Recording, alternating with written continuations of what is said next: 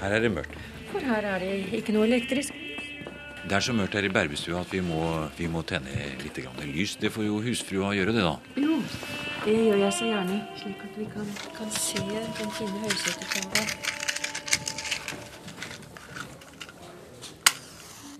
Det vi hører litt fra her, er hentet fra det aller første museumsprogrammet som ble sendt for temmelig nøyaktig ti år siden i disse dager. Nå tar det vel litt tid her før eh, stearinlyset tar seg opp, men her ser vi at det røde, det lyseblå Nå ser vi, nå, nå tar skjæret seg opp litt her. Mona Brammer Solhaug, hva er det vi ser her? Ja, det lurte jeg også veldig på første gangen jeg så dette her. For eh, jeg tenkte at aha, den, der lysende skyen, det må jo være en eh, engel. Ta lyset litt, litt nærmere her, så vi kan se litt mer. Der ser du Der ser vi. Og her, ja. Der Her ser er det du engelen Ja. eh, i en lyssky. Og så tenkte jeg at eh, bebudelsen, ikke sant. Da må, må, må det jo være Maria, da. Bebudelsen. Men det ser ut til å være en mann. Ja, det er akkurat det. Og da ble jeg veldig forbauset. For, Dette eh, aller første programmet handlet om bondens bilder.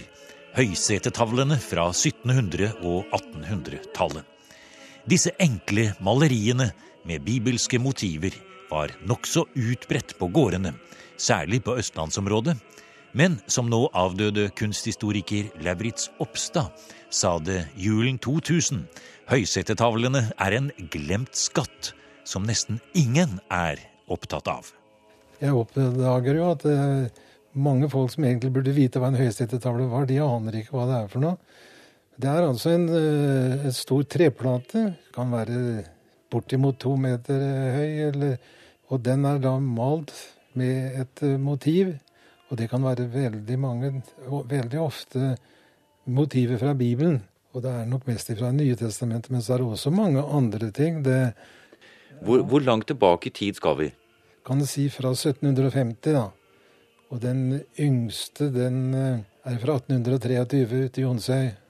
Hvor mange høysetetavler kjenner du til eh, som du har registrert? Nå har jeg registrert eh, 55. Mange tror at det er på store gårder, men eh, og det, det er et spørsmål jeg stadig får. Jaha, i Østfold det er eh, herregårder og greier. Det er klart at det finnes i Østfold, men det, det forekommer ikke på eh, herregårder. For det hører hjemme i du kan si en middels eh, Ikke på storgårder heller, er egentlig storgårder, og ikke på smågårder, da, men det er i den jevne, jevne bondegården. Sånn på et par hundre mål og sånn, kan du si. da.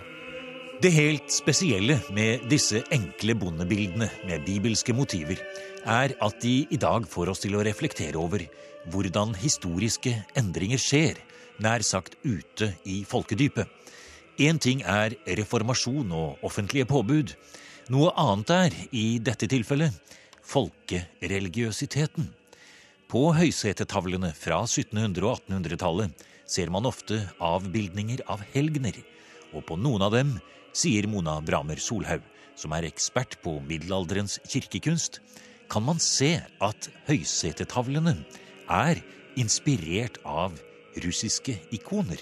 Ja, det kunne de godt være, og ikke minst fordi deres hellighet sånn er markert med, med glorier. Og navnene er også markert da, som sankt over. Eh, altså eh, markert deres eh, hellighet og helgenverdighet. Jeg går ikke riktig så langt som til de gresk-ortodokse, men i hvert fall til den katolske verden, hvor det er meget mulig at kunstneren har hatt en del forbilder. Hvordan forbildene er blitt formidlet, det vet vi veldig lite om. Men noe må han ha sett, noen skisser kan han ha tatt, noen ideer har han fått. Å skille mellom den katolske tid i Norge og den protestantiske tid, hvor denne høyestetetavlen er fra, det skjedde jo heller ikke plutselig og brått. Det var vel en overgangsperiode som vi nettopp ser her.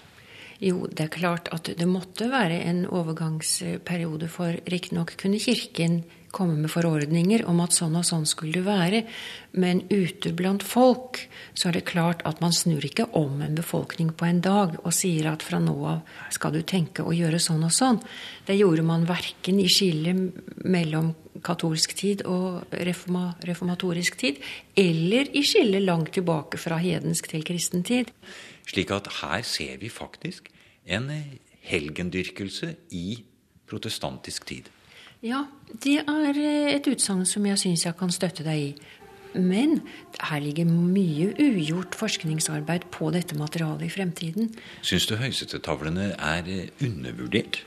Ja, det syns jeg absolutt. Og det mm, vil jeg si også for mitt e-, eget vedkommende at eh, jeg hadde vel knapt eh, registrert dem som eh, en gjenstandsgruppe før jeg kom hit, og ble veldig snart klar over at der var en god del, og betydningen av dem. Så for folkelivsgranskere, de som arbeider med folkekunst, her ligger det veldig mye interessante oppgaver.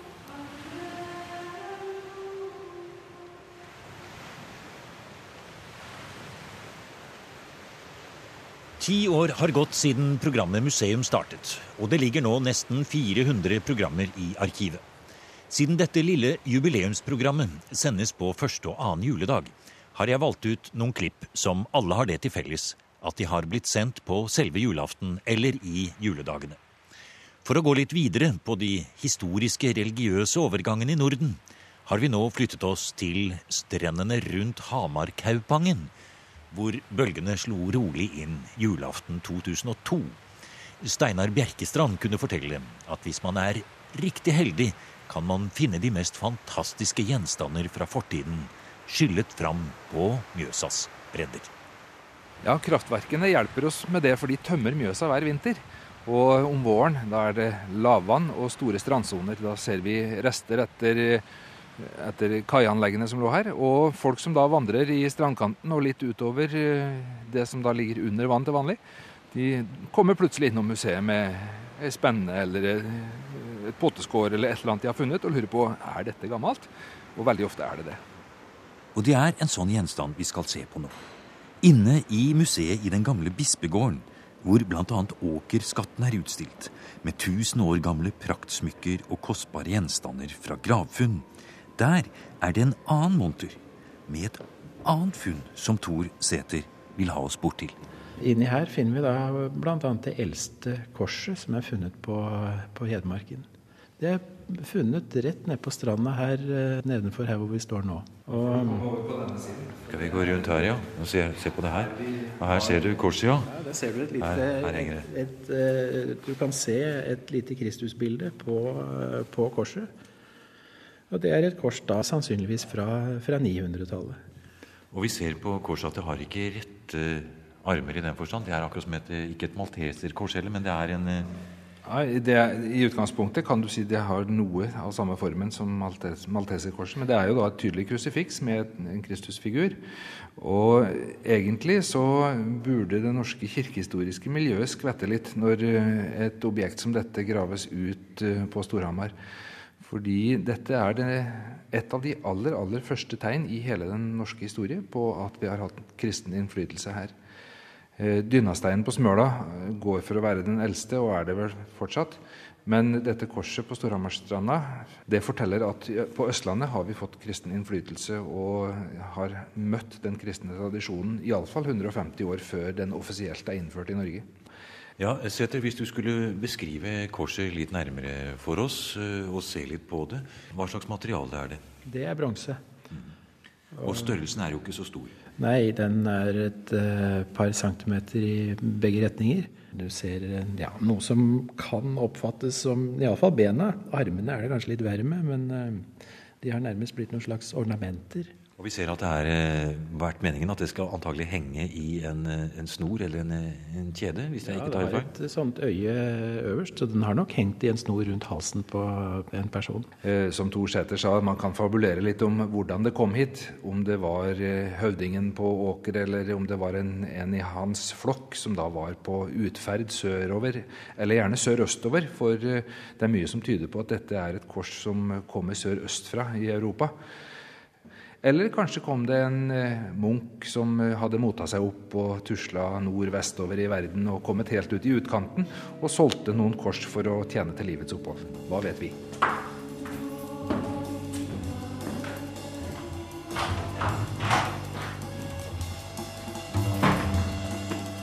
Når jeg roter rundt i museums eske med julepynt, er det jo ikke til å komme fra at det i løpet av ti år også har blitt et program om forskjellen mellom den greske Sankt Nikolaus og den norske gårdsnissen. Gardsvoren har røtter langt tilbake i forfedredyrkingen, og går ja, kanskje helt tilbake til steinalderen, for alt vi vet.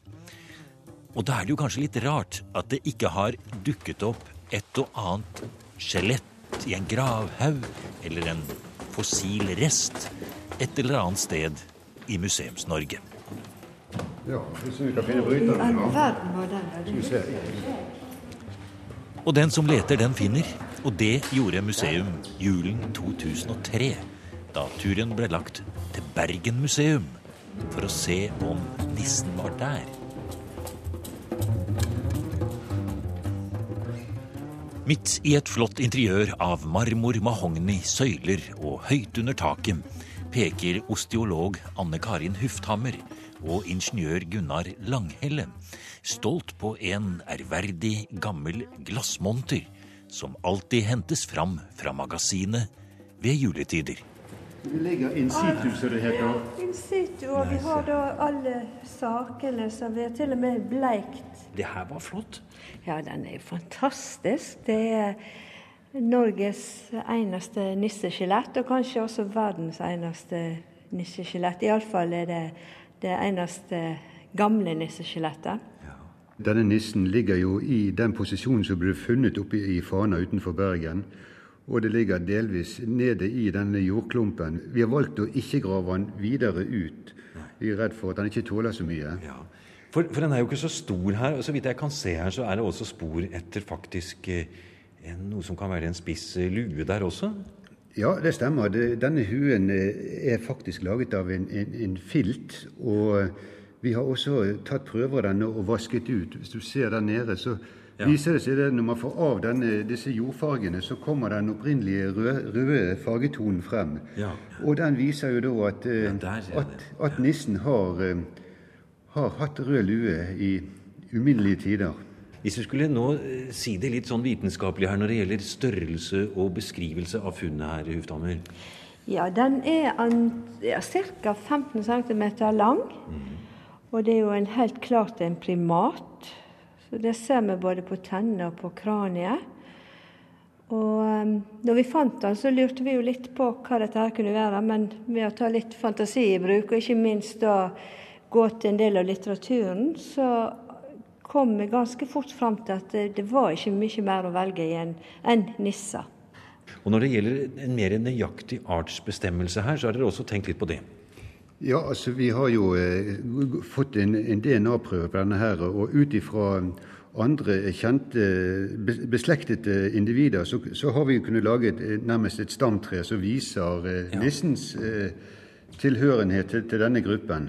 Ja. Og der går jo da Ut fra den eh, slektslinjen kommer da hominider, altså menneskelignende dyr. Eh, og, og, det er vel langs den man har da julenissen og mennesket osv.? Ja, han kommer ned eh, under og, og kommer ut sammen med, med, disse her hagenisser og alpenisser og forskjellige andre varianter som man finner i europeisk nissekultur. Inne i monteren her så ligger det en del plastikkskåler med forskjellige Eh, løsfunn som dere har gjort ved siden av. Ja. Og her er det funnet hasselnøttskall og sesamfrø og byggryn og fennikel, som for øvrig er mot luft i tarmen. Ja. Det står nøye beskrevet. Og valmuefrø mot diaré og bergkrystall, som sikkert var både vakkert og skulle beskytte mot noe.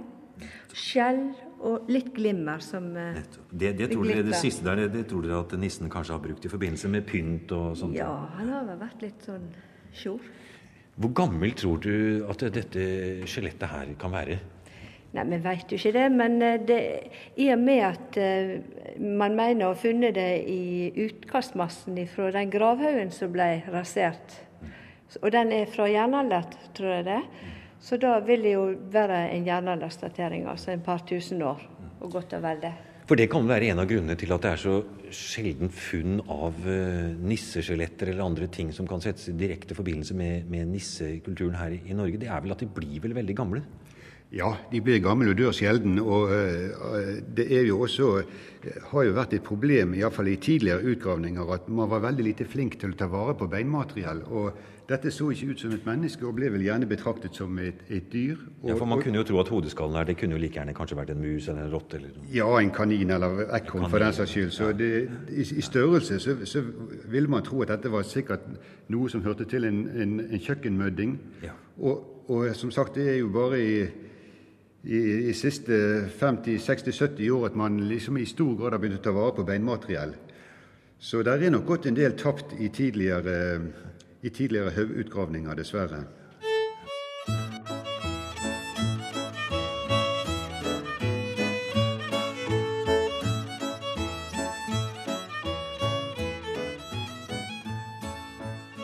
The Minnesota Scandinavian Ensemble spiller ekte norsk folkemusikk fra prærien i Midtvesten. Her er det Leonard Finseth, født 1911 i Drammen Township i Wisconsin, som spiller en scottish etter Alfred Storsveen. Julebrevet fra Amerika het dette programmet, som jeg fant bak Kensington-steinen og en dalahest i strå på museumsloft. Julen 2004 fortalte Knut Djupedal på Norsk Utvandrermuseum om det store arkivet de har med tusenvis av brev som ble sendt hjem til jul fra norske utvandrere. Her har Djupedal funnet fram et amerikabrev, datostemplet julen 1870. My dear brother Søren. Jeg skulle vel fortelle hvorledes jeg turde julen, og hvorledes jeg lever. Jo, i vinter lever jeg hos en gammel, enlig tøllebar bukk fra Østre Slidre. De steller en team, parentes et par hester, og kjører og hugger litt ved for bård, altså i parentes mat, seng og hus. Det er nok ikke stort å gjøre her, men så er det ikke bedre mann å være hos. Julen har gått aldeles utmerket for meg. Alt jeg erindrer til den, er at jeg spiste vassgrøt og sur mjølk til aftens om julaften. Det var første gang jeg fikk sådan kost den aften. Ja, Det var en som altså arbeidet eh, på en gård for en annen. Han var arbeidet for kost og losji. Ja, det, dette å jobbe som han gjorde for en, eh, en annen kar for kost og losji, det var en måte å komme inn i det amerikanske samfunnet. Lære seg å kjenne det området. Eh, de var jo nesten alltid ansatt hos en annen nordmann, som han her, en kar fra Østre Slidre. Mm. Og eh, ja, Det hadde med språk å gjøre, blant ja, annet, og familiekjennskap. Og, alt, og, alt det. Ja. at man følte seg Det var en mykere overgang, ikke sant? Og man ser det samme i dag, f.eks. i Oslo. Det er en grunn til at uh, mange innvandrere bosetter seg i nærheten av hverandre. Mm. Her står det kjære, kjære farbroder. Dette brevet datert uh, 17.12.1881, altså skrevet like før jul. Kjære farbroder. Nå lakker det snart til den første juleferie som jeg skal oppleve i Amerika. Men man gjør ikke så meget av julefesten her som i Norge, hører jeg. De fleste holder vel opp med arbeidet første juledag, skulle jeg tro. Omtrent en måneds tid siden opphørte høstarbeidet på landet, og jeg har den siste tid gått på engelsk skole her i byen. Men det er ikke så ganske snart at lære det engelsk-amerikanske, det er meget slemmere, slemmere enn jeg tenkte meg. I dette juleprogrammet fra museums tiårskatalog fortalte Knut Djupedal om hvordan inntil 40% av de som reiste til Amerika i de første tiårene av forrige århundre, kom tilbake til Norge. Med penger, ideer og nye tanker som var med på å skape det moderne Norge. En av de mest interessante i så måte som jeg har vært borti, var en mann fra Vestlandet som jeg intervjuet, som sa Jeg spurte han om han hadde endret seg da han var i Amerika. Og så sa han ja, når jeg kom hjem, så tok jeg ikke av meg hatten for presten mer. Mm. Og I den ene setning så ligger det en sosial revolusjon. 1000 års kristendom rett ut gjennom vinduet. Og Forholdet mellom øvrigheta, representert av presten, og en vanlig person. Som etter gammelt skal stige av veien når presten kjører forbi. Ta av seg hatten. Men, han, Men i utvandrernes Amerika så hadde han lært seg at enhver er sin egen lykkesmed. Og prester er ikke bedre enn andre. Så han tok ikke av seg hatten for presten mer. Én kort setning og en hel sosial revolusjon.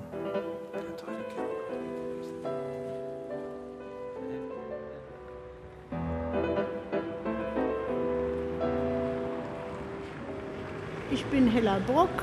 Ich bin die Präsidentin vom Edward Grieg Verein in Leipzig.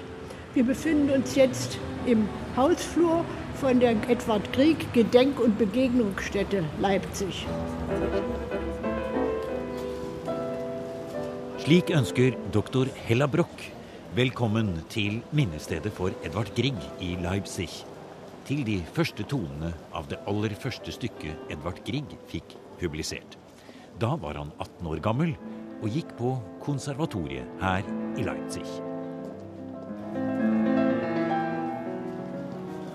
I museums julenummer har vi kommet fram til julaften 2006, da vi fulgte sporene etter den unge Edvard Grieg inn i gamlebyen i Leipzig.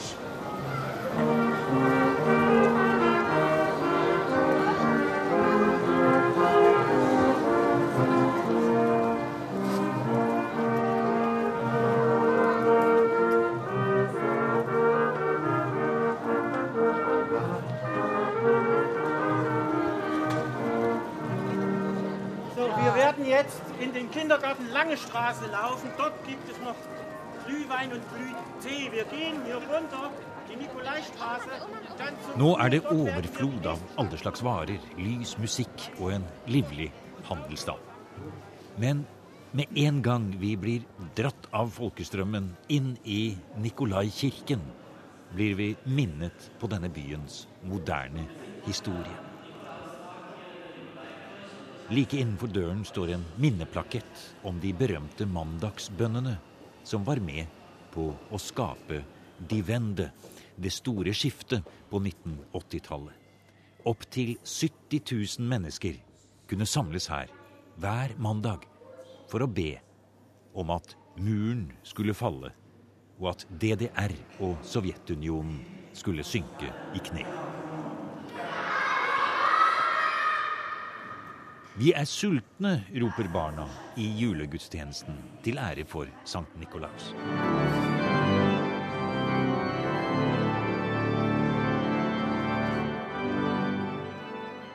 Historien er tung i veggene her i denne kirken, som sammen med Thomaskirken var tilholdsstedet for den aller største av de kunstnere og mange komponister som har søkt til denne byen. Det var for denne kirken Johan Sebastian Bach skrev både Johannespasjonen og juleoratoriet. Og uten tvil satt den unge Edvard Grieg også på disse benkene da han kom hit som 15-åring på begynnelsen av 1850-tallet for å gå på det berømte musikkonservatoriet. He was only 15 years old and, and he was very small. And um, uh, En hel del av programmene i denne tiårs julekavalkaden fra museums lager ligger nå på museums podkastsider. Blant annet hele møtet med den legendariske Hella Broch i Leipzig. Vi skal avslutte i en helt annen del av verden. I en liten bygd i Øst-Finnmark. Velkommen til arrangementet Juliskolttelanne. Tervetuloa tähän pieneen tapahtumaan äh, joulukolttain mailla. Det er skolens avslutning med barn og foreldre fra hele bygda og gjester fra den skoltesamiske skolen i Sevetjärvi, like over grensen på finsk side. Så Honna Havas ønsker velkommen på både norsk og finsk. Æresgjesten denne kvelden er Katri Jefremov, som har kommet den lange veien fra Nelim ved den russiske grensen, 42 km fra Ivalo. Katri Jefremov er en av de få som ennå snakker skoltesamisk. Født før krigen i Petsjenga i det nåværende Russland. Og når vi ber om en liten smaksprøve på hvordan det skoltesamiske språket klinger, får vi en barneregle om en vakker brud som hadde tre friere. Piazzam syd, nyrdesum, tuusid lepet vertom, i puatom, lukas iga puatom mõnne raasta põža jook. Til slutt tar vi med oss et eksempel på en ekte skoltesamisk laud. Det er Katri Jefremov fra Nellim som går fram på gulvet i sin hvite og røde festdrakt og avslutter jul i Skolteland.